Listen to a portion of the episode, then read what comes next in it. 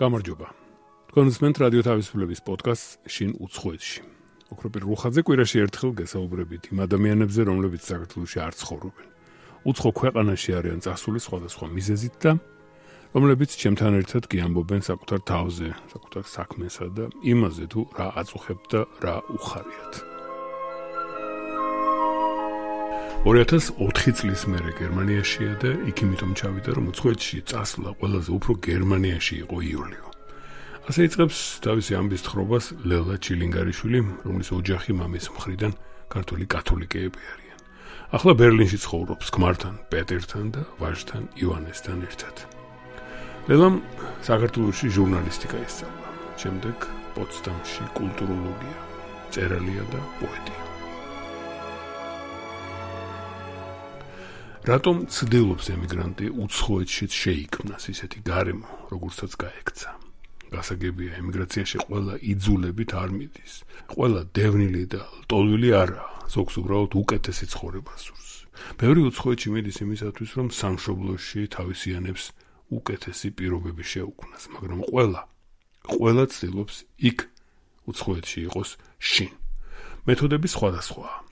ერთნი გელზენკირხენში მაგალითად კედელზე ხალიჩას და ზედ ყანწებს კიდებენ. სხვები კი ათენში თონის პურს აცხობენ და სვანური ქუდით დომინოს თამაშობენ. რატომ ვერ შორდება ხოლმე ადამიანი თავის სახლს?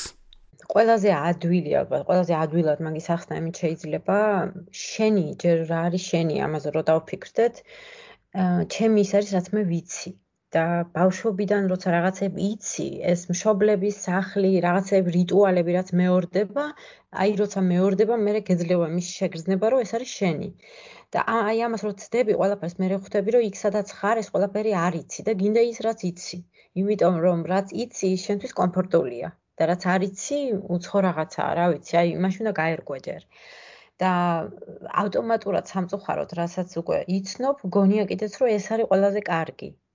რაც ჩემი აზრით არ არის აბსოლუტური სიმართლე, იმიტომ რომ შეიძლება რაღაცები მერე და მერე ისწავლო, არ იყოს შენი, მაგრამ მიხვდე რომ სადღაც ამასთან ახლოს ხარ.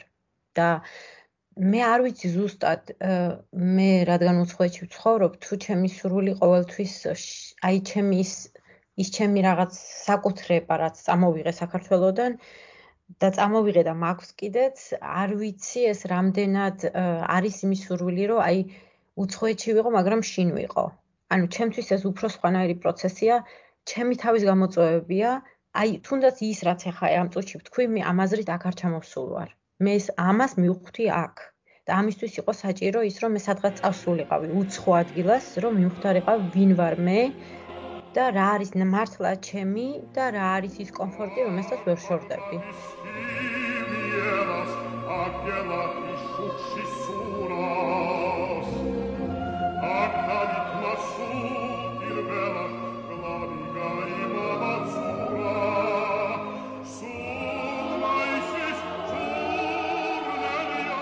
ლელა ჩილინგარიშვილი ქუთაისში გაიზარდა.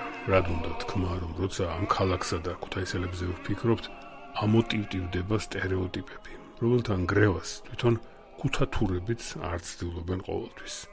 ეს ის ადგილია, სადაც პოეტს თუ დავესესხებით, დავითმა სულპიროლად მკლავნი გაიმამაცურა და აკაკის და გალაქტიონს მის კუჩებში უმღერია.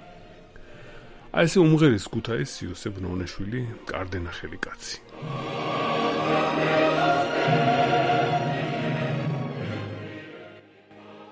მე რადგან ქუთაისიდან ვარ, არა მარტო ქართველი, არამედ კიდე ქუთაისელი ვარ, აქედან გამომდინარე მაქვს რაღაცები ქუთაისიდან წამოღებული, რომელიც ზუსტად ვიცი რომ ქუთაისურია და ზუსტად ვიცი რომ ყველგან წავიღებ სადაც არ უნდა წავიდე. იუმორი და კიდე აი ძალიან როგორ თქვა, აი კრიტიკული მიდგომა მაქვს ჩემი თავის მიმართ, მაგრამ ეს კრიტიკული მიდგომა არის ძალიან ხშირად იუმორში, აი იუმორში გადამაქვს, იმიტომ რომ ჩემ თავს მკაცრად არ უდგები. ანუ ვაკრიტიკებ, ოღონდ ცოტა მეტი სიყვარულით და იუმორით. და ეს არის ის, რაც მე ვისწავლე ქუთაისში. აი ძალიან დიდი პრობლემების მიმართაც, აი ზუსტად აი ესეთი ცოტა დამცინავი მიდგომა.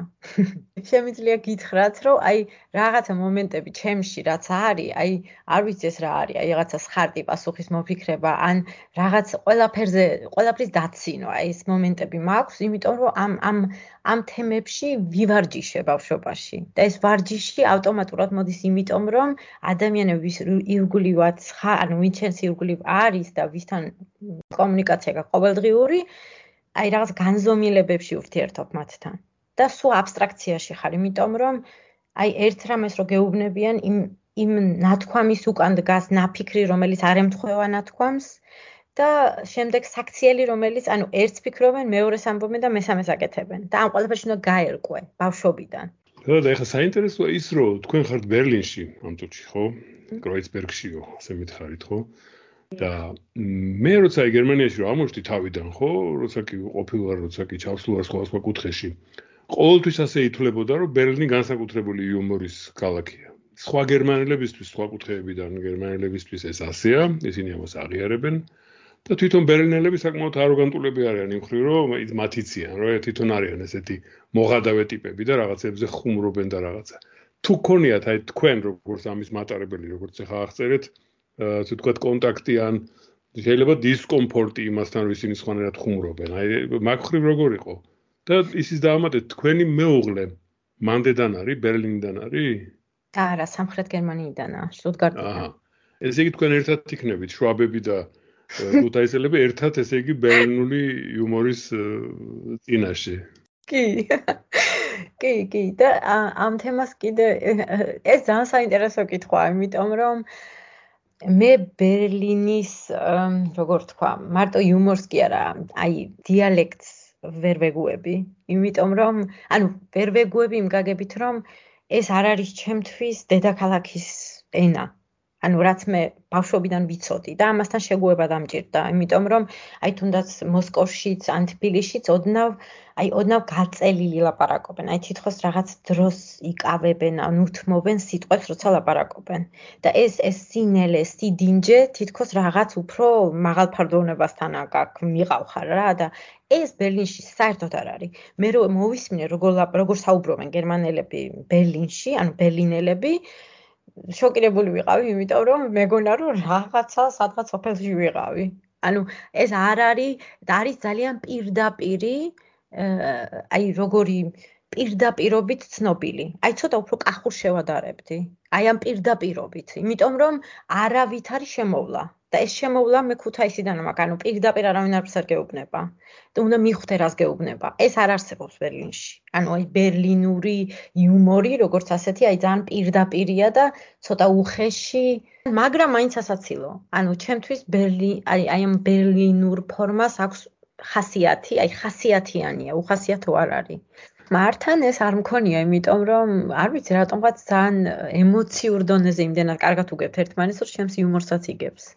თუმცა სიმართლე გითხრათ, ძალიან ძალიან იშვიათად მიცდია რაიმეს, აი სასაცილო ამბის ანეკდოტზე აღარ ვლაპარაკობ. სასაცილო ამბის მოყოლა გერმანელისთვის, იმიტომ რომ თუ ვთქვათ მე იმ თემაზე ქართველებთან მეცინება, იმათ მოყოლა მიციან ბექგრაუნდი, რა ხდებოდა იმის წინ, მის უკან, იმის გვერდით და ამიტომ ადვილად გასაგებია და გერმანელს ახლა ხო ვერ მოუყვები 90-იან წლებიდან დღემდე რა გავიარეთ, რომ მიხვდეს რას გულისხმობ. მაგრამ მაინც არსებობს საერთო ადამიანური თემები და ხარისხები იუმორის, რომელსაც რა თქმა უნდა იგებენ.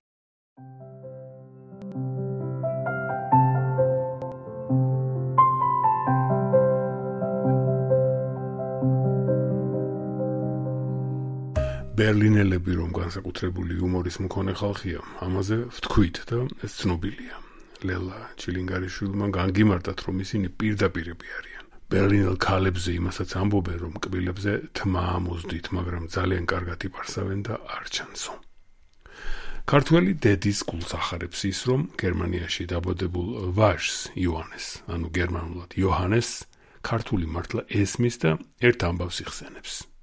ჩვენს ეზოში სადაც ცხოვრობ, ცხოვრობენ კიდე ბევრი სხვა ბავშვებიც და აქ ამ სკოლაში და ჩემი შვილი მიდიოდა, სკოლა სახთან ახლოს არის და ანუ სხვა ბავშვებიც მივხვდი რომ მაგის ასაკის ბავშვებიც პირველ კლასში წავიდნენ შემდეგ წელს.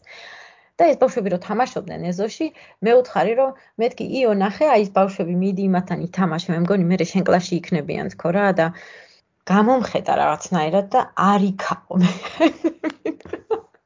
ანუ ამ სიტყვას მე ვეუბნებოდი ჩემს შვილს და არასდროს არ მქონდა იმაზე, ანუ არასდროს არ წარმქონდა წარმოდგენა იმის და იმედიც კი რომ მიხვდებოდა რას ნიშნავდა ეს სიტყვა და ეს რომ მითხრა გავშეშდი. მივხვდი რომ ენა თურმე ემოციით ისე კარგად გადადის და ისე კარგად ხვდება შინაარს, რაც მე ბავშვობიდან მესმოდა არიქა, აი მივხვდი რომ გავიმარჯვე.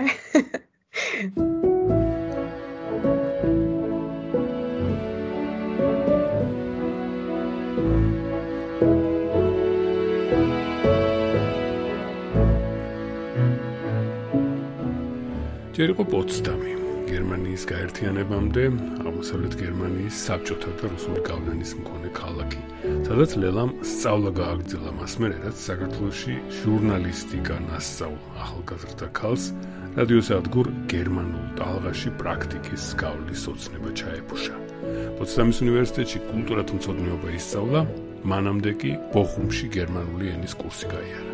სამაგისტრო ნაშრომის თემაა თანამედროვე გერმანული ლიტერატურა მედია კულტურულ კონტექსტში. ეს ბალადა, რომელსაც ახლა თქვენ უსმენთ, პოცდამს ეძღვნება.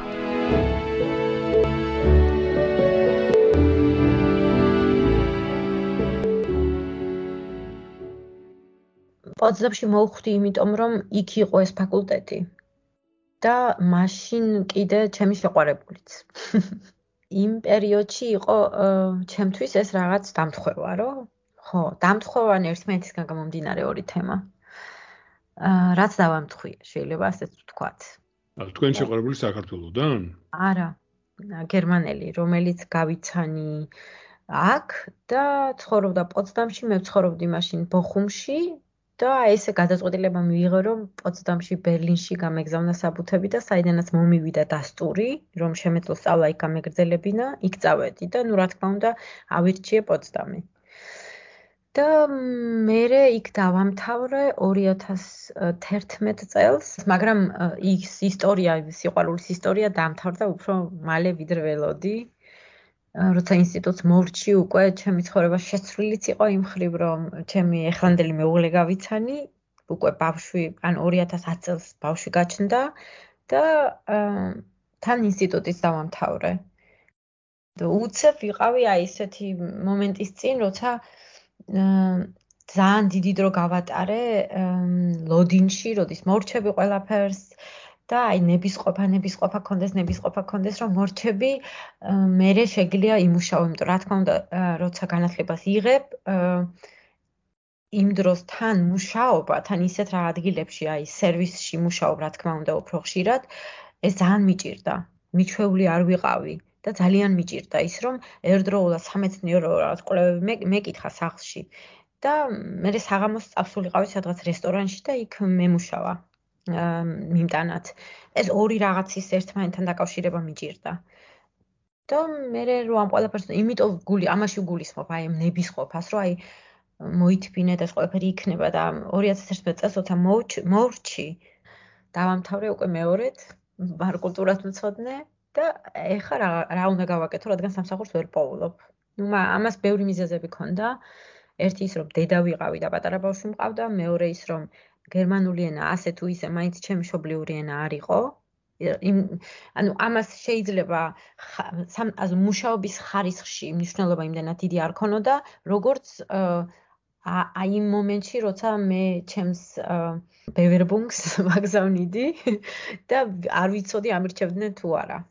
აი არჩევის დროს აქვს მნიშვნელობა და არა მერე როცა უკვე მუშაობ სამწუხაროდ. და ზუსტ აი ამ მომენტში ვიყავი როცა ერთმა ჩემმა მეგობარმა მითხრა რომ შემეძლო მეცადა და გერმანულის მასწავლებლად დამეწყო მუშაობა. აი ამ მომენტმა მე თავიდან ცოტა შემეშინდა მე როცა დავიწყე და გაკვეთილზე შევედი მივხვდი რომ ეს ჩემი სადღაც ჩემი ადგილი იყო პირველი ის რომ შემოქმედებით დავიწყეთ მაგ თემაზე დავიწყეთ ჩვენ ლაპარაკი ის რომ იქაც შეგიძლია იყოს შემოქმედი. მით უმეტეს როცა აი ცივწყალში გაგდებენ და საერთოდ აზრზე არ ახარა უნდა გააკეთო და გაკვეთილზე შედიხარ და უცებ იწყებ ლაპარაკს. მე ის რომ ეს ჩემი მოსწავლეები მაშინ იყვნენ უმრავლესობა სირიიდან წამოსული ადამიანები რომლებსაც ომი ჰქონდათ გამოვლილი და რა თქმა უნდა ტრავმირებულები იყვნენ და ამ ყველაფერთან კომუნიკაცია ამ ყველაფერთან ისეთი ფორმის კომუნიკაცია, რომ არც ისინი ყოფილიყვნენ დაზარალებულები და არც მე. რა ვიცი, ამისთვის დამჭირდა ასევე შემოქმედება, შემოქმედებითობა. ლელა ბერლინში საზოგადოებრივ საგანმანათლებლო სასწავლებლის ლექტორია, გერმანულ ენას ასწავლის ინტეგრაციის კურსებზე. გითხარით, ჟურნალისტია, კულტურად მცოდნე, ენის მასწავლებელი, მწერალი და პოეტი. სხვათა შორის თავისი საბავშვო მოთხრობა ფრანკფურტის ციგნის ბაზრობაზე წაიკითხა. გერმანულ ენასთან ჭიდილზე კიდევ ვილაპარაკებთ. იმაზეც თუ რას და როგორ ასწავლიან ინტეგრაციის კურსებზე. ლელა ჩილინგარიშვილის ტექსტების ერთ-ერთი თემაა ასევე ქალი. მე საერთოდ რას წარმოვადგენ? ერთის მხრივ ეს ეროვნება, ანუ წარმომავლობა, საიდან მოვდივარ, მე ენა და მე რა თქმა უნდა ჩემი სქესი. და ამ თემაზე ფიქრიც ისევე დავიწყე, როცა აქ წამოვედი, აა როგორც სხვა თემებზე, რაც აი როგორი ვარ მე, ვინა ვარ, რას წარმოვადგენ.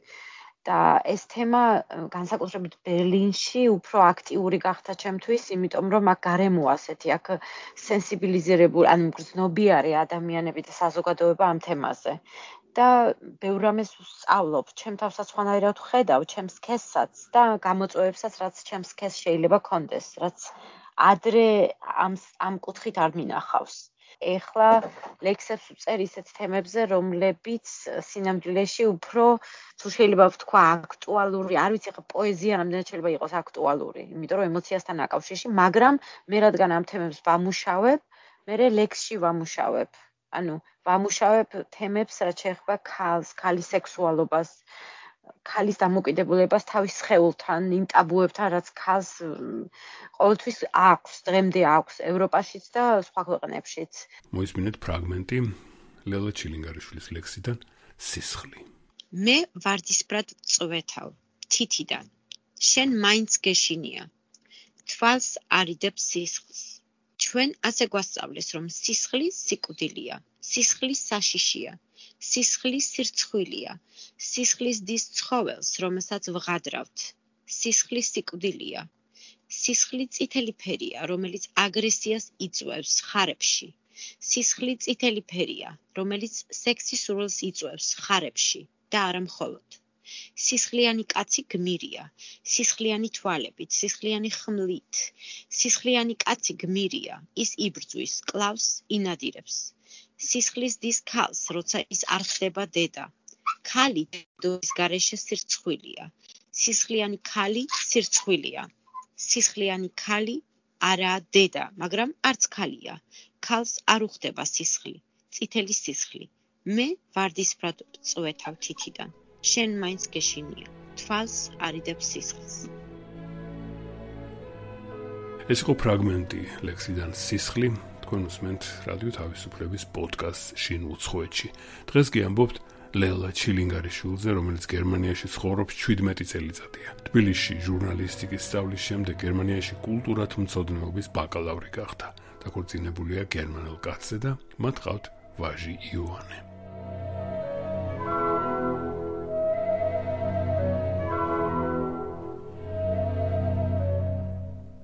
ლელა ჩილინგარიშვილი ენაზე, წერაზე, როგორც თვით გამოხატვის საშუალებაზე გადაცებით გიამბობთ და აგიხსნით, როგორ შეეშინდა თავიდან გერმანიაში დასახლების შემდეგ, რომ ეს საშუალება წაერთმეოდა. ჩემთვის კიდე ის თემა, რომ მე ენასთან კავშირი მქონდა, ეს იყო დანიშნულოვანი, იმიტომ რომ საქართველოში ჩემთვის სულ ყოველთვის იყო ჩემი აი თვით გამოხატვის ფორმა, რომელსაც უვეძებ ჩვენ ადამიანები, აი ზოგი ხატავს, ზოგი მღერის, ზოგი რა ვიცი, ზოგი ჩემთვის ეს ყოველთვის წერა. და მე როცა აქ ჩამოვედი, რაღაც დროის განმავლობაში ასე მეგონა, რომ აი ეს თვით გამოხატვის ინსტრუმენტი ჩამომართვეს. და ძალიან დიდი დრო დამჭირდა იმისთვის, რომ იქამდე მისულიყავი, სად ვარ ახლა მე? ანუ მაქვს თუ არა ეს ინსტრუმენტი და ეს შანსი იყო ჩემთვის რომ მე გერმანულის მასწავლებელი ყოფილიყავი ადამიანებისთვის რომლებიც ახალი ჩამოსულები იყვნენ გერმანიაში და არა მარტო გერმანულის ინტეგრაციის ინტეგრაცია ჩემთვის თვითონ ანუ სიტყვა იმდენად გასაგები დღემდე არ არის ანუ რას გულისხმობს ინტეგრაცია ვიცი ზუსტად მაგრამ რამდენი უნდა წამოიღო შენგან და რამდენი უნდა აიღო იმ ადგილიდან სადაც ცხოვრობ, ეს დღემდე არ არის კონკრეტულად განსაზღვრული. რა თქმა უნდა, იმას ვეთანხმები, რომ როცა იქ ცხოვრობ, სადაც არსებობს რაღაც კანონი და არსებობს წესრიგი, იმ წესრიგში რაღაცა ფორმით უნდა ჩაჯდე. ალბათ ამ ამას გულისხმობს მინიმალური ინტეგრაცია. ამას ვცდილობ მე რომ მივაწოდო ჩემს მოსწავლეებს. თუმცა ის თემა ზუსტად ისეთები უნდა იყვნენ თუ არა, როგორც გერმანული კულტურისთვის აუცილებელია. ამ თემაზე ბევრს ვაპარაკობთ. ლელა, ქუთაისის ქართულ ოჯახში გაიზარდა. ოდნავ არატიპიურ გარემოში. მამა კათოლიკეა. დედა მართლმადიდებელი მეგრელი ბებია სვანი. მოკლედ შერეული ქართული გარემო. მაგრამ მშობლებმა შვილები ლელა და მისი ძმა გარკვეული დროით მაინც რუსულ სკოლაში ატარეს. ანუ მე რო დღეს აქ თქვა სადღაც უცხოთ გრძნობ თავს თუ არ გრძნობ თავს, ეს რაღაც მინიმალურ დონეზე ნასწავლი მაქვს. იმიტომ რომ ბავშვობაში უცნაური გვარი მქონდა, გრძელი და ცოტა ბევრი ადამიანი გარკვეულიც არისო, ეს გვარი ქართულია, სომხურია, ებრაულია, რატო ამხელა და რა უცნაური. მე კიდე ის რომ კათოლიკები იყვნენ, ანუ მამაჩემის ოჯახი კათოლიკები იყვნენ და ეს ყველაფერი სადღაც რაღაცის განსხვავებულობას მატებდა. ანუ უცხო იყავი რაღაცით, რაღაც მომენტ ერთი კონკრეტული მომენტით. ამიტომ ამ თემასთან უფრო ახლოს ვიყავი მე, ვიდრე ვთქვათ, შეიძლება ჩემი აზრით სხვა ადამიანები და აი ამიტომ აქ რომ ჩამოვედი, ეს თან წამოვიღე და ნაცნობი იყო. რაღაცა მომენტით მაინც ნაცნობი იყო ჩემთვის, რას ნიშნავს, რომ ცოტა რაღაცი სხვებისგან განსხვავებული იყო.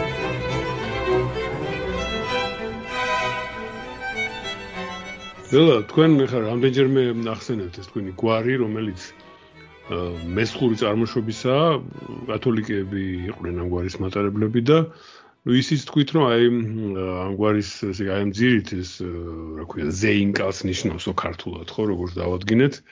აა ეს გვარი შეიძლება არსებობდეს რა ვიცი ირანშიც სომხურშიც როგორც ჩანს ბერძნულშიც ასეთი რამ მითხრეს. აა ანუ ქალაქი სადაც აი კათოლიკე ელემენტი ძლიერი იყო ქუთაისში მაკედან წახვედით. თქვენ ესე იგი როგორც როგორ ავთქვა ესე ბჭყალებში თითქოს უცხოსავით ხო რაღაცა სხვა ელემენტი იყავით. გერმანიაში თუ წაიღეთ თქვენი ასე ვთქვათ ეს კათოლიკობას ვერ ვიტყვი იმიტომ რომ არ ვიცი რამდენად პრაქტიცირება ხდებოდა თქვენს ოჯახში და თქვენს მიერ ამ ნამდვილი კათოლიკობისა გერმანიაში რო აღმოჩნდით ქვეყანაში, რომელიც ნუ ავანგარდი იყო ვატიკანის კათოლიკობასთან ბრძოლაში და დღევანდელი გერმანია, ასე ვთქვათ, ამხრივ ორ ნაწილად არის გაყოფილი, ხო არსებობს ეს პროტესტანტული ჩრდილოეთი და კათოლიკური სამხრეთი. თუ გქონიათ ამასთან შეხება გერმანიაში, ხო არ გახდით უფრო კათოლიკე გერმანიაში, ვიდრე სამშობლოში იყავით? აი მე მგონი მე სამშობლოშიც არ ვიყავი კათოლიკე. იმ იმ გაგებით ვიცახი რომ ეს იყო ჩემთვის მაშინ იმ პერიოდში კათოლიკე ანუ კათოლიკურ ეკლესიაში როგორც ასეთი ვისწავლე პირველად ბიბლიასთან შეხება უფრო ღრმად. და ძალიან დიდი მადლობელი ვარ ამის რომ ესე მოხდა ჩემ ცხოვრებაში. ქუთაისში? ქუთაისში კათოლიკურ ეკლესიაში სადაც იყვნენ მისიონერი პადრეები იტალიიდან ჩამოსულები და აი მათთან აი ეს ძალიან საინტერესო იყო, იმიტომ რომ აქ მარტო ჩემი ღმერთთან შეხება კი არ მოხდა, რწმენასთან შეხება კი არ მოხდა, უბრალოდ ტექსტთან, ბიბლიასთან, როგორც ტექსტთან. და აი ჩვენ თემებზე ვლაპარაკობდით, რასაც ვკითხულობდით, აი როგორ გავიგეთ, როგორ ხდებოდა ეს კატეხიზმო, რასაც ქვია, ამ თემებზე ვლაპარაკობდით, ვამუშავებდით. ზუსტად მე იმ პერიოდში წამოვედი საქართველოსთან, როცა უკვე იწყებოდა, ასე ვთქვათ, აი რელიგიით დაინტერესება. ადამიანების, ჩემი ასაკის ადამიანების და ჩემ ჩემი წამოსვლით მე დედაჩემ ბევრი ხატები გამომატანა და მიგზავნის დღემდე ამ ხატებს, რომლებსაც აქვს ადგილი ჩემ სახლში, მაგრამ ჩემთან კომუნიკაციაში არ არიან. ანუ მე ვგულისხმობ იმას, რომ მე ამ ყველაფერთან ბერლინმა პირიქით უფრო დამაშორა, ოღონდ იმიტომ კი არ დამაშორა, რომ მე ამ ყველაფერს ნეგატიურად უყურებ. პირიქით. იყო რაღაც პერიოდები, როდესაც უნდა მეფიქრა, სანამ ვიტყოდი, საიდან მოვდივარ. იყო რაღაც პერიოდი, როცა მინდოდა მეთქვა, საიდან მოვდივარ და იყო რაღაც მომენტები, როცა აღარ ვიცოდი, საიდან მოვდიოდი. და ეხლა ვარ ისეთ ეტაპზე, ზუსტად ვიცი, საიდანაც მოვდივარ, ისიც ზუსტად ვიცი, რა კარგი და ცუდი აქვს ამ ყველაფერს, ან ჩემს წარმომავლობას. და ოღონდ ისიც ვიცი სადაც ვარ ამათ რა ცუდი და კარგი აქვს და მე ამათ რა შემიძლია მივცე და გერმანიამ რა მომცა მე? ეხა უკვე ვიცი მაგრამ ამას დაჭირდა წლები. ლელას ხანდახან ავიწყდება რომ ქმარმა პეტერმა არიცის ქართული და ავტომატურად ქართულად ელაპარაკება. იმიტომ რომ იმდენად ჩემიანი ადამიანია, რომ აი ჩვეულებრივ ლაპარაკის დროს ქართულ სიტყვებს ვიყენებ და მე ვხვდები რომ ოფს, არა, ამდენი ქართული არიცის. და ეს იმდენად ავტომატურია უკვე ჩემთვის, რომ ანუ ძალიან ემოციური ადამიანია. და ემოციური დედის შვილია. და აი ეს ორი თემა იყო ჩემთვის ძალიან მნიშვნელოვანი. ან რელიგიას რაც შეეხება ამ ხრივ ერთნაირები ვართ, იმიტომ რომ დედა ჩემიც ძალიან რელიგიურია და ჩემი ჩემი დედამთილიც. და ჩემი შვილი არ არის მონათლული, იმიტომ რომ ჩვენ ასე გადავწყვიტეთ, რომ გახდება 18 წლის თვითონ გადაწყვიტოს რა უნდა. და რა თქმა უნდა დისკუსია ჰაერშია. რატო არ ვნათლავთ, მაგრამ ჩვენ ასე გადავწყვიტეთ. თუმცა კიდე ერთი საინტერესო რაღაცა ერთ რამეს ვიტყვი, რომ როცა იოანე სკოლაში შევიდა, ქონდა არჩევანი, შეეძლო რელიგიის ისტორიის სწავლა ან შეეძლო ეთიკის. და ჩვენ ავირჩიეთ ეთიკა. და თქვით რომ მგონია რომ ჯობია ეთიკა, იმიტომ რომ რელიგია, რელიგიას რასაც აქ ქვია, რელიგიის გაკვეთილი, ასწავლიან მარტო კათოლიკურ რელიგიას. და მე ვფიქრე რომ ალბათ როცა მას ვიგრძნობ ან შევხედავ რომ კიდე სხვა რელიგიებსაც ასწავლიან მაშინ შეუძლია და აი ჩემმა შვილმა რატომღაც არ ვიცი რატო მოვიდა როდესღაც და თვითონ აირჩია რომ გადასულიყო ისევ რელიგიაზე. და გვითხრა რომ მე მინდა დავესწრო რელიგიის გაკვეთეს. არ მინდა ეთიკის გაკვეთესზე დასწრება. მოითხოვა მიყიდეთ ბიბლია. მინდა რომ წავიკითხო. ეს ყველაფერი მოდის ჩვენგან ნული ჩარევით თარგმანი გერმანულად გამოუგზავნა ბაბუამ, გერმანელმა ბაბუამ, რომელიც არის ბავშვებისთვის სპეციალურად მარტივად ბავშვებ დასურათებული და ტექსტიც გამარტივებული. ლელა ჩილინგარიშვილის ბლოგს ასეთი სიტყვა აქვს სამწუხარებული. მოგესალმებით ჩემს სვეტში გერმანული უცხოელი ქალისგან. ეს ერთგვარი ენობრივი ექსპერიმენტია, სადაც შენ შეგიძლია გერმანულად დაწერილი, მაგრამ ქართულად ნაფიქრი ტექსტები წაიკითხო და დაწერო მათზე კომენტარი. როგორც ბატონ ნიჩე კერპთა დაესში ამბობს, ვშიშობ, რომ ღმერთს ვერ მოვიშორებთ სანამ გრამატიკის აკუწამს. გმადლობ, რომ არსებობ და გისურვებ სიემოვნებას კითხვის დროს. ეს ყველაფერი იქედან დაიწყო, რომ როცა ვსწავლობდი უნივერსიტეტში და წერდი რაღაც თემებს, დამიბრუნდა ერთმა ჩემმა პროფესორმა სამჯერ დამიბრუნდა ჩემი ნაწერი. და მე ვიფიქრე რომ არ მოწონს. და მეუბნებოდა აი ჩხილებში წერდა რომ რას ბას მაინც დოდამით რისი თქმა გინდოდა. და მივხვდი რომ ესე იგი გრამატიკულად კი ვიყავი სწორი, მაგრამ სტილისტურად არ მქონდა სწორად დაწერილი რაღაცეები. ეს იყო ზუსტად ჩემი გერმანული, ჩემი საკუთარი გერმანული, რომელსაც მე ქართულად ვფიქრობდი. და ზუსტად ამის თქმა მინდოდა მე, იმიტომ რომ რადგან გერმანიაში და მით უმეტეს ბერლინში ბევრი კარი იღება ცნობიერებისთვის და იმ ადამიანებისთვის, ვისაც ახალი საზღვრების, ანუ საზღვრების დანგრევა უნდათ, რაღაცებში გასვლა უნდათ. ეს ხდება კულტურაშიც, ეს ხდება ხელოვნებაშიც, ეს ხდება მეცნიერებაშიც. და ჩემთვის, ჩემთვის საინტერესო თემა იყო, რომ შეუძლია გერმანულ კულტურას მიიღოს უცხოელისგან კონსტრუირებული ენა, რომელიც გრამატიკულად შეიძლება სწორი იყოს, სტილისტურადაც შეიძლება მეტნაკლებად სწორი იყოს, მაგრამ ასე გერმანელები არ წერენ. მე უფრო ღრმად დავფიქრდი ამ თემაზე და დავიწყე გავბედე, გავბედე გერმანულად წერა.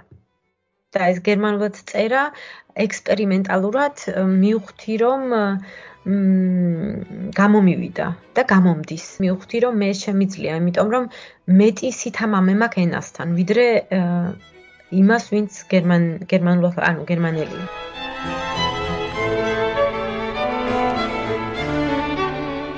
შენ ძალიან კარგად ლაპარაკობ გერმანულად. შენ მხოლოდ ცოტა მეტი უნდა ივარჯიშო, რომ ეს სიტყვები უკეთესად გაიგო. სიფრთხილე, მორჩილება. შენ ძალიან კარგად ლაპარაკობ გერმანულად. შენ მხოლოდ ცოტა მეტი უნდა ივარჯიშო, რომ ეს სიტყვები უკეთესად გაიგო. ჩემი სივრცე, ჩემი დრო, ჩემი ბანანი. შენ ძალიან კარგად ლაპარაკობ გერმანულად. შენ მხოლოდ ცოტა მეტი უნდა ივარჯიშო, რომ უკეთესად მიხვდე რას ნიშნავს ინტერესის ქონა და საინტერესო. საინტერესო გემო აქვს, ნიშნავს საზიზღრობაა. მე დაინტერესებული ვარ, ნიშნავს მე შემიძლია შეგაწუხო, რამდენჯერაც მინდა, იმიტომ რომ მე მიზანი მაქვს. ესე იგი მე დაინტერესებული ვარ მისი მიღწევით. შენ ძალიან კარგად ლაპარაკობ გერმანულად. შენ მხოლოდ ცოტა მეტი უნდა ივარჯიშო, რომ ზედმეტი არ გახდე. ზედმეტი ემოცია, სუნამო და ხმამაღალი სიცილი შიშს წარმოშობს. ზედმეს ჯობია დაკლებული, როცა ჩვენ გვეშინია მკაცრები ხვდებით და ეს საერთო ადამიანური თვისებაა. ჩვენს ბაბუებს უფრო მეტი შიში ქონდათ და უფრო მკაცრებიც გახდნენ. ჩვენ ისინი არ დაგვიწყებია, მაგრამ ისინი დიდი ხნის წინ მოკვდნენ. ჩვენ უბრალოდ არ გვინდა შიშები. შიში ნიშნავს რაღაცის არცოდნას. ან რაღაცის არ ცოდნის სურვილს. ნუ წარმოქმნი შიშს. ჩვენ ხომ ცოდნის ყურვილი გვაქვს. და თან შენ ხომ ძალიან კარგად ლაპარაკობ გერმანულად. შენ მხოლოდ ცოტა მეტი უნდა ივარჯიშო, რომ გაიგო, რომ ჩვენ შენთვის ჭკუისწავლება შეგვიძლია. მადლობა, ხო, ბერ ფიქრს აღძრავს ეს ტექსტი, ხო? ხო წარმოგიდგენიათ, შეიძლება ამდენი კონკრეტული ადამიანი გახსენდება ამას, რომ ისმენ რომელსაც ან ერთი ან მეორე და ან მესამე უთქვამს. ზოგჯერ კი ეს ლექსი მე როცა დავწერე და გაუგზავნე გერმანულად დავწერე თან პირველად. იმიტომ რომ ძალიან ხშირად მესმის ეს du sprichst aber gut deutsch და ეს პირველი სიტყვა რასაც გეუბნები. ხშირი რაღაცები აი ბევრი რაც აქ ჩამოთვალე, ჩემ ჩემი გამოცდილება ბევრი არ არის, მაგრამ მომისმენია. ასე კრიტიკულადაც ვერ მიუძგები ამ ყველაფერს, იმიტომ რომ 17 წელი აქ ცხოვრობ და აი როცა ვფიქრობ, რომელი უფრო ჩემთვის არის სახლი აქ თუ იქ, მე ვერ გადამიწყვეტია. იმიტომ რომ მე არ ვიცი ეს არ არ არის სახლი, ეს როგორ არ არის სახლი. მე აქ თავს ძალიან კარგად ვგრძნობ. მაგრამ იმასაც ვხედავ რა პრობლემებია აქ. და მიხარია რომ ასეა, იმიტომ რომ აქამდე მარტო ჩემ პრობლემებს ვხედავდი. და ეს არის რაღაც პროცესი. ერთი ადგილიდან მეორე ადგილამდე.